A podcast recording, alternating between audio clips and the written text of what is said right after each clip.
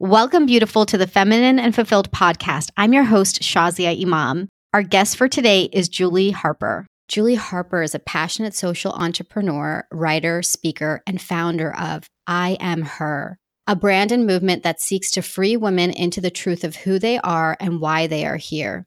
She is also a busy mom of eight year old triplets. Yes, eight year old triplets. And continues to pursue her creative endeavors both in Minneapolis and LA. In her own words, she says, I believe that women are born warriors and truth tellers with an inner knowing and instincts that are worthy of our trust. But somewhere along the way, we lose that trust and start gathering chains and entering prisons we find ourselves stuck in a life that doesn't feel like ours, not knowing how to break free. Through my own fight back from rock bottom, I have become a fighter for truth and freedom and a woman who will stop at nothing to help other women fight their way back to theirs. Wow, Julie, that is powerful. Thank you for joining us today. Thank you for having me. I'm so excited to be here. Oh my gosh, that quote that you gave, or, or your belief, or your mission. I mean, there was so much in what you just said that I said in your words, but they're your words. yes. Oh my gosh. Let's just start with that. Tell us more about where all of this came from. Yeah. I mean, there's the summary of it is, you know, I grew up in Minneapolis. I grew up very Christian and very sheltered. And so as I was growing up, I, you know, was very judgmental of people. And in that, I realized that I was also very judgmental of myself. And so I thought that if I could be perfect and do everything right, that I would be okay. And so I found myself always saying, you know, well, I'm never going to be like her. I'm never going to do that. I'm never going to do that. And I judged all the things that I ended up later on in life facing myself. And so I think that because I lived so much of my life pretending and knowing how unhappy I was in that place, it really disconnected me from people because when we go around, you know, acting like we have it all together and posturing and pretending, other people feel like they have to do the same thing. And so I found myself in really sort of surfacey, empty relationships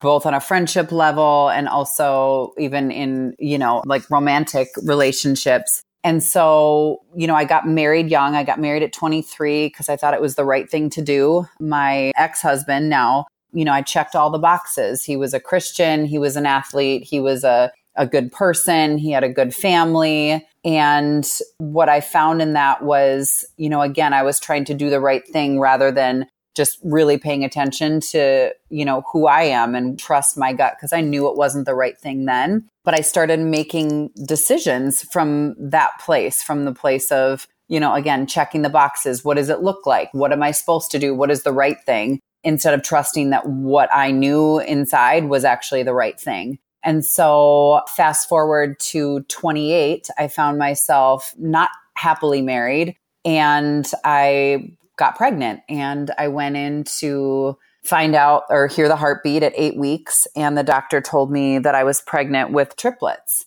And it was obviously the biggest shock of my life. And that was the beginning for me of this unraveling because I couldn't, I didn't have the energy, the capacity, both physically, mentally, emotionally, to keep it together or to pretend or make my life look a certain way. My life just started to unravel. And so you know, I was in and out of the hospital. It was a very intense, scary time. I was on bed rest for a couple of months, and my kids came really early. And they were born at, you know, just under three pounds.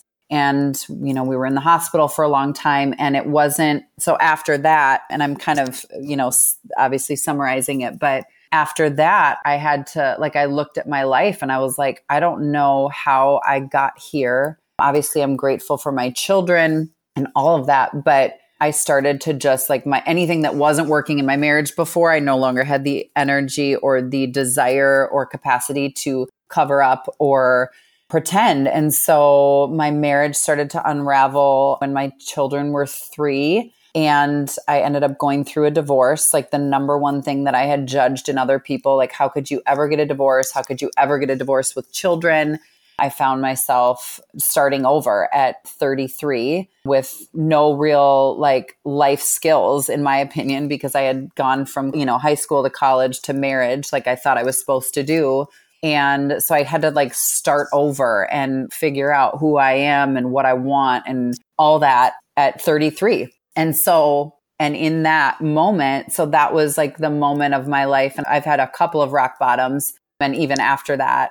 But that was the first time that I really allowed myself to see myself in someone else's story and to see myself in someone else's humanity and imperfection and perceive failure, even though that's not how I see it now. So that's what I am her came from that recognition of, oh, like I was, my whole life was separate from her and now I am her and I'm her and her and her. And in that, I've been able to connect to, again, humanity in general, but specifically women. Like my level of judgment doesn't exist anymore because my life was such a train wreck and fell apart that I have no capacity to judge. And it's freed me into who I am and allowing other women to do the same. So that's, hmm.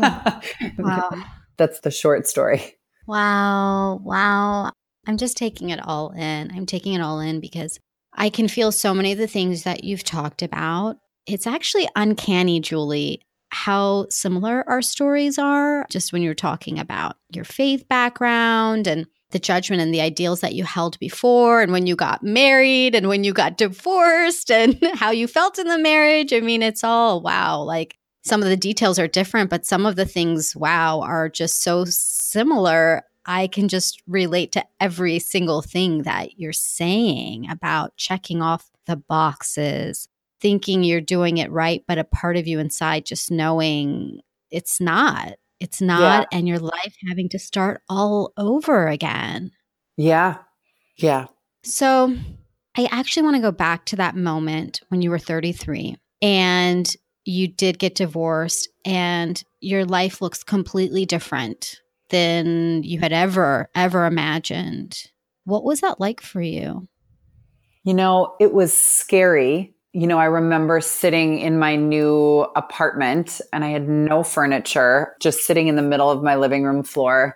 And I remember feeling there has not been one moment that I regretted getting a divorce and not being with the person that I was with. And that is not against him. That is just that's not my person. And I knew that. There is no replacement for freedom, for being living, like to wake up and go, I'm actually living free and I'm living in my truth. It does not look cute. I have no security. I have no nothing, but there's something about freedom that I've learned living like connected to yourself, like in that really authentic place. And I know we use authentic all the time. It's the buzzword, but being in authenticity and connected to your truth and speaking your truth and owning how you feel and what you want your life to be and what you don't want it to be, there's no replacement. So even though I went from, you know, a stay at home mom with a husband that, you know, had a great job and we had a house and we had the car, the everything. I remember sitting in my apartment with absolutely nothing, just myself and I was like, this is what I've always wanted to know her, to know this. And so that was something that really prompted this whole idea of truth and freedom. I just knew there was something to that. And so from that point, you know, I continued to explore that and what that means in many different ways. But I was like, I have to find out why this feels so good in spite of all these really shitty circumstances. Mm. Who is her? Mm. Oh man, that is a loaded question, Shazia. Um, I mean, it's just a few words of a question. oh my gosh, so loaded. Jeez.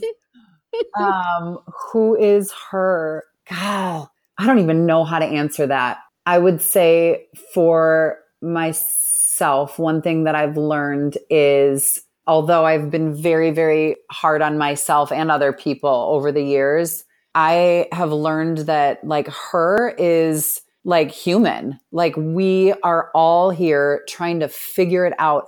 And I want to swear because I'm like, I don't swear mm-hmm. that much. It's so hard. Life can be so freaking hard. And I just, I feel like being able to look at ourselves, like I have started to write this apology to myself for being so critical and so hard on myself over the years for being purely just being a human being, trying to do the right thing, trying to figure it out, failing, falling, screwing up, hurting people, being hurt, you know, doing the wrong thing. I mean, just like I'm a human being who really does like I have a good heart and I that's what I see in other people when the guard comes down and I you know end up sharing the truth of my story not the pretty version but like the real like the raw other people feel like they can do the same and what that's done is it's allowed me to see other people in their humanity and it is Brene Brown says it the best like it is really difficult to hate people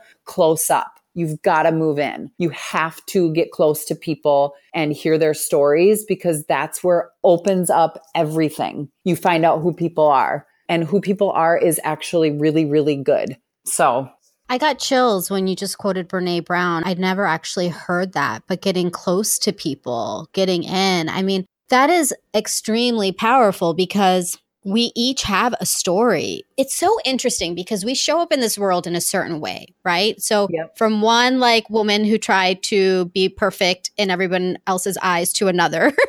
yep. It's so fascinating how we live in a world that not only do people do that, but it's what's celebrated. It's what's celebrated in this world of perfect social media and portraying these perfect lives and everybody else thinking that that's reality and then their own lives not looking like that and then wondering if there's something wrong and people actually not connecting on reality, on who we really are. And I know that when you connect, just like we're doing, and we've had the opportunity to do with others as well, there is nothing more powerful than just being you, being seen, and seeing somebody else for who they really are. It is yeah. so much better than that picture perfect image that we so often try to curate. Oh, 100%. Yes. Yes. Yep. Mm.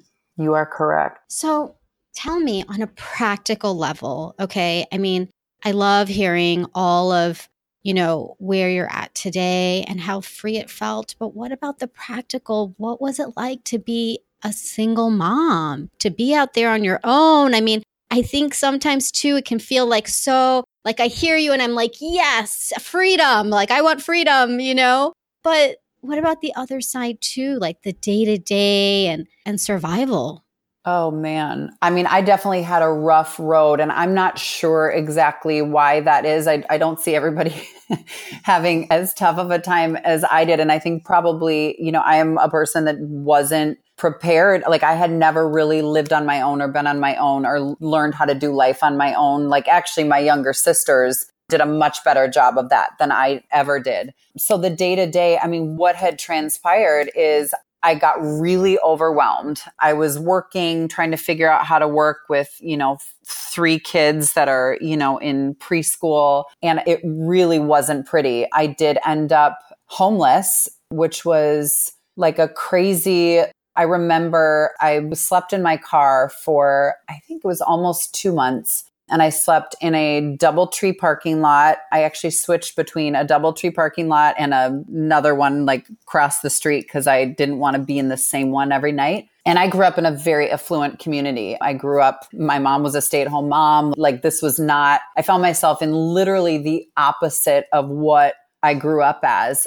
And I think that I just started to, you know, it's learning. Like I don't, I, I did some things wrong. I didn't know how to manage money. I didn't know how to make money. I didn't know how to, I struggled probably with depression in there, like just the stress of always trying of this sort of survival mode. And so I remember waking up in my car and I did a lot of writing. I, I mean, I wrote half of my book while I was living in my car. And I guess like one of the things that happened during that time was I one of the things I had judged always is welfare, homelessness. I mean, those were things that I was so in my mind, so far above, like never, don't understand it, never want to. And I found myself obviously living in my car, but also driving. I remember the morning that I drove to apply for food stamps. And I was driving my car. I went early because I didn't know. I was like, this is not something I've ever done before. I don't know what I'm doing. And I drove into this in this city and there was nobody around because it was so early. And you know, I was praying to God. I was like, like, what do I have to do? Like, how did my life get to this? And I pulled up to a stop sign and I remember this woman out of nowhere, this woman crosses the street. She's not wearing shoes. And I'm in like a normal suburban city. Came out of nowhere, only person around. And she comes up to my window and, and I open it and she was like, Hey, I'm so sorry to bother you. I like, I have, I'm a single mom. I have three kids.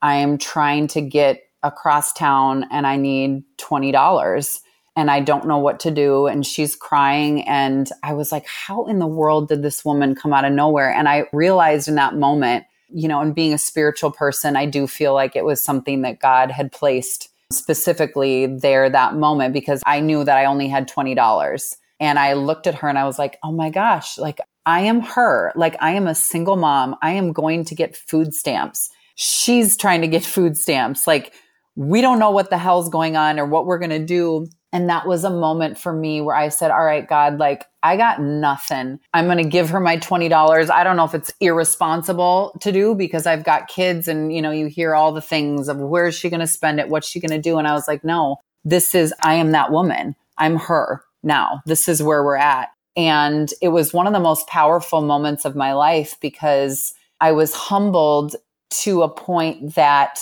I no longer saw myself obviously above anybody, but I also didn't see myself below. It was like this reiteration of of our humanity and nobody knows. I have no idea how she got to where she is and most people didn't know how I got to where I was and the point is is we were the same. We were each other. We were sharing that was we had a shared story. So, you know, the practicality of that, you know, I walked in and I got food stamps and I was like a fish out of water and I felt really ashamed and and at the same time I was like I can do this. It's one step at a time and I remember, you know, kind of to answer your question, I'm all over the place, but one thing that I remembered, and I still remember it now when I get overwhelmed by life, because life is overwhelming no matter whether you're homeless, not homeless, like life can be hard. It is absolutely one teeny tiny step at a time. And some days,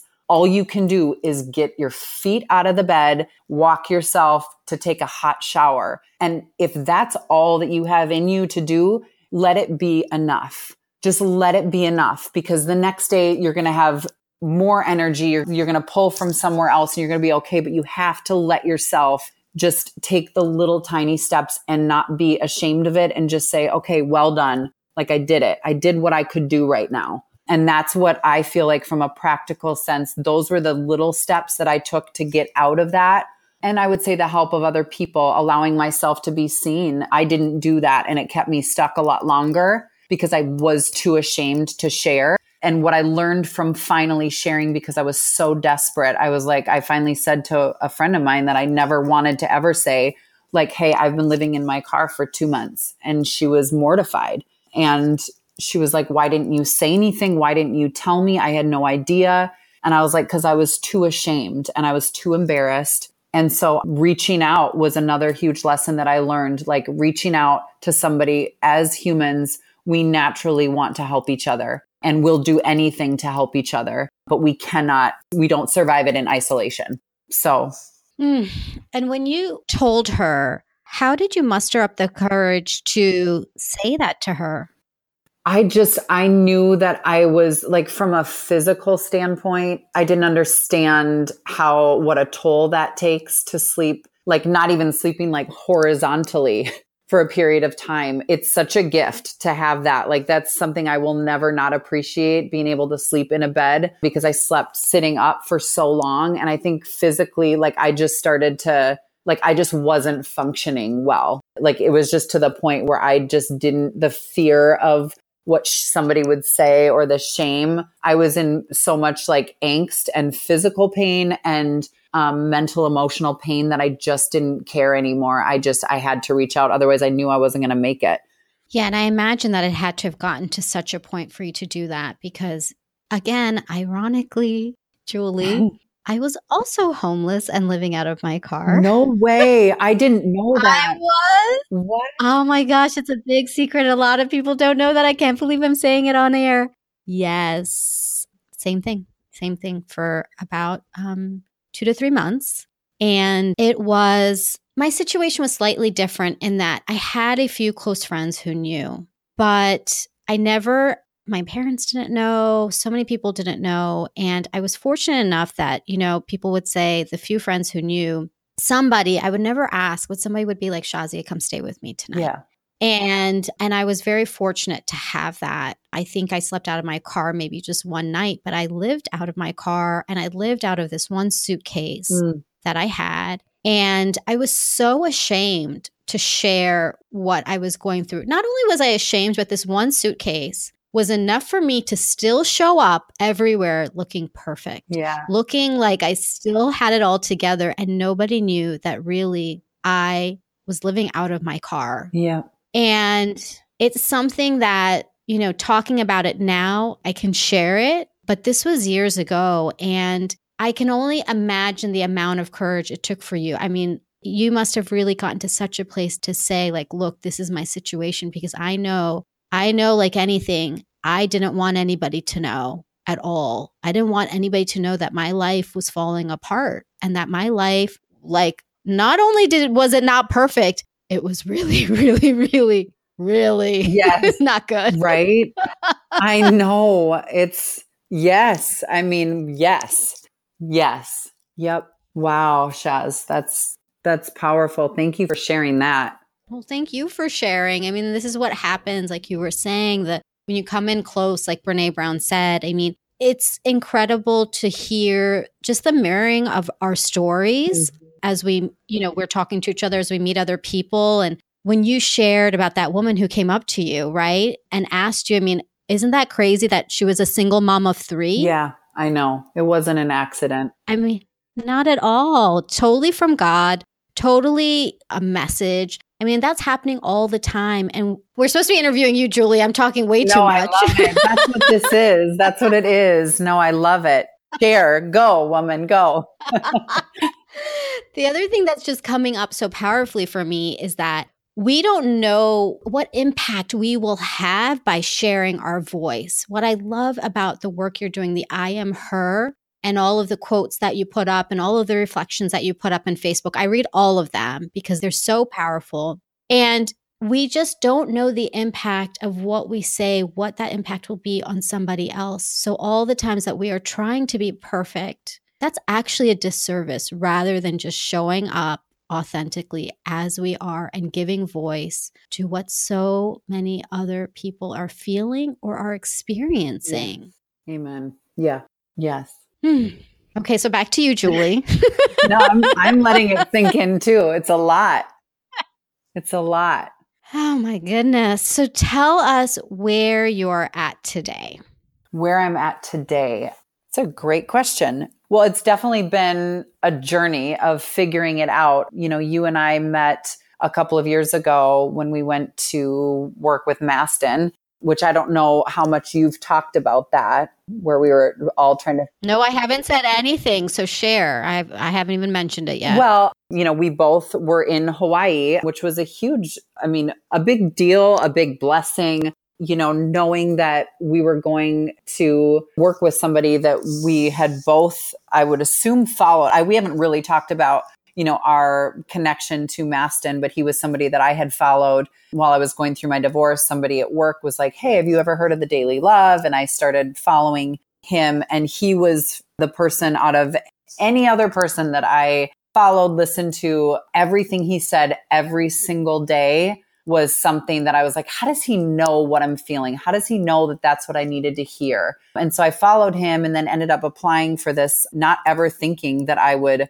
go to this wealthy healer retreat where you do talk about your your business, your heart-centered business and I am her was just becoming something. I mean, it started out with two followers, my mom and my sister because I forced them to follow me. And so I just remember, you know, it started to kind of pick up, resonate with some people. And I was like, you know what, this would be a good opportunity. I'm not going to ever go to this thing. I would never actually get in or qualify or whatever but I'm going to at least articulate, I'm going to use the structure of the application because it was so ridiculously long. I'm going to spend a couple of days and articulate what I think I am her is and what I want to do with it. And I spent two days. I was living in my parents' basement at the time, which was also a great time in life. And I remember submitting it and like almost immediately it was like an automated, like, thanks for your time, not the right fit, you know, good luck on your journey. And I was like, oh, wow, I spent like two days of my life doing that and, you know, whatever. So I moved on. Well, a day later, I got another email from Mastin's team and they said, hey, sorry, there was a mistake. Mastin's partner, Jenna, came across your application and would like to speak with you. So, anyways, long story short, I'm in Hawaii, like I think within two months of that call. And that's where I met you. And you and I obviously, I feel like connected you and I and Alvina and, you know, a handful mm-hmm. of other people. But I knew then, you know, when we went there that, you know, it was less about Mastin and less about, you know, the business side of it. Although at the time I thought it was, but I recognized that like it brought together 30 people that would have never been together probably in any other capacity because they, we were from all around the world. And knowing that those relationships now like even seeing it like I never would have dreamed that you and I would be on a podcast however many years later. Like I just there's just so many connections that have happened afterwards and just the value of it and now I don't know what I'm saying at all so I'm going to hand it back over to you well, I'll just pick up where you left off. So this wealthy healer retreat was uh, it was really beautiful actually. So it was in Maui and it was in some resort like on the mountains or, or in the mountains and I just remember it being so lush. Hawaii is like heaven on earth. I mean, it's so beautiful. And I remember the rooms that we stayed in. I mean, it was just such luxury. I had never experienced anything like that in my life. I mean, just the open air rooms and like the pebbled floor and the beautiful hardwood in the main area. And then to just walk outside and all these like lush palm trees and flowers and color and overlooking the ocean. I mean, just being able to experience that was worth that whole retreat. Yes, it was. It was breathtaking. Yeah. It was breathtaking. And like you said, the connections, it's so interesting because I do look back on that retreat with mixed feelings. Mm-hmm. And I won't go into it too deeply, but you know, there's always good that comes out of everything. And I think just being in such a beautiful place and knowing that I could be there and that one day I could do something like this. That was incredible. And the people that I met, just like you, Julie, you know, the people that we got to be surrounded by and these healers, I mean, meeting people who were so heart centered and so sincere and passionate about what they wanted to do. And from all over the world. I mean, we had two women from Australia too. I mean, it was this diverse group of, it was all women, right? I think it was all It was, women. except for there were two men besides Mastin. Okay. Yeah, it was, and they were awesome. But yes, it was mostly women. I think they became women by the end of the trip. it was that kind yeah. of it was that kind of yeah. And being around that energy and just seeing the possibility. That's what it was yes. so much for me was really seeing the possibility of life and to imagine, I mean, going back to her, homeless days. Oh my gosh. like, yes. Right? Going from a place of like living out of your car, living out of a suitcase, living like literally in this small space, right? To then seeing this possibility of being in this this expansive place. Like when I would look out onto the ocean, I would just think, oh my gosh, how much more is there in life for me? It's limitless. Yes, absolutely. The possibility. You nailed that. Yep. Yeah. So that, I mean, I just, I loved all of that. And because this is a podcast, people don't get to see you, Julie, but Julie is my MILF. Okay. She is so hot. I tell her this all the time. I'm like, Julie, oh my goodness, like supermodel status. oh my gosh, I'm so glad you cannot see me right now because you would not say that. So this is perfect that it's just audio. well, I would encourage everybody to Google Julie Harper and I am her. I will get your direct links too. Just to see how gorgeous Julie is. I mean, in your PJs, probably in that car, you probably still looked stunning. I have no doubt about it. Thanks, Kazi. I appreciate that. and after triplets too. oh, that's awesome. Thank you. I'll take it. yes, receive it. It's true. Receive it. Appreciate it. Savor it. I will. I will. And speaking of finding you, how can people connect with you? So the best way is I have a website. It's julieharperofficial.com and everything is funneled through there. So whether it's coaching, there's, yeah, I mean, all social media is also can be connected through there. My blog is there. Yeah. So it's, it's something that I'm, I'm always updating, posting, you know, current things. And yeah, so julieharperofficial.com. Awesome. And I will just give another plug for that because, like I said earlier, Julie, I love reading the things that you write. I mean, sometimes I just feel like you took the words out of my mouth and they're not all like beautiful, nice quotes. I mean, there are some really heavy things that you write sometimes that are really passionate and heavy and uh, raw.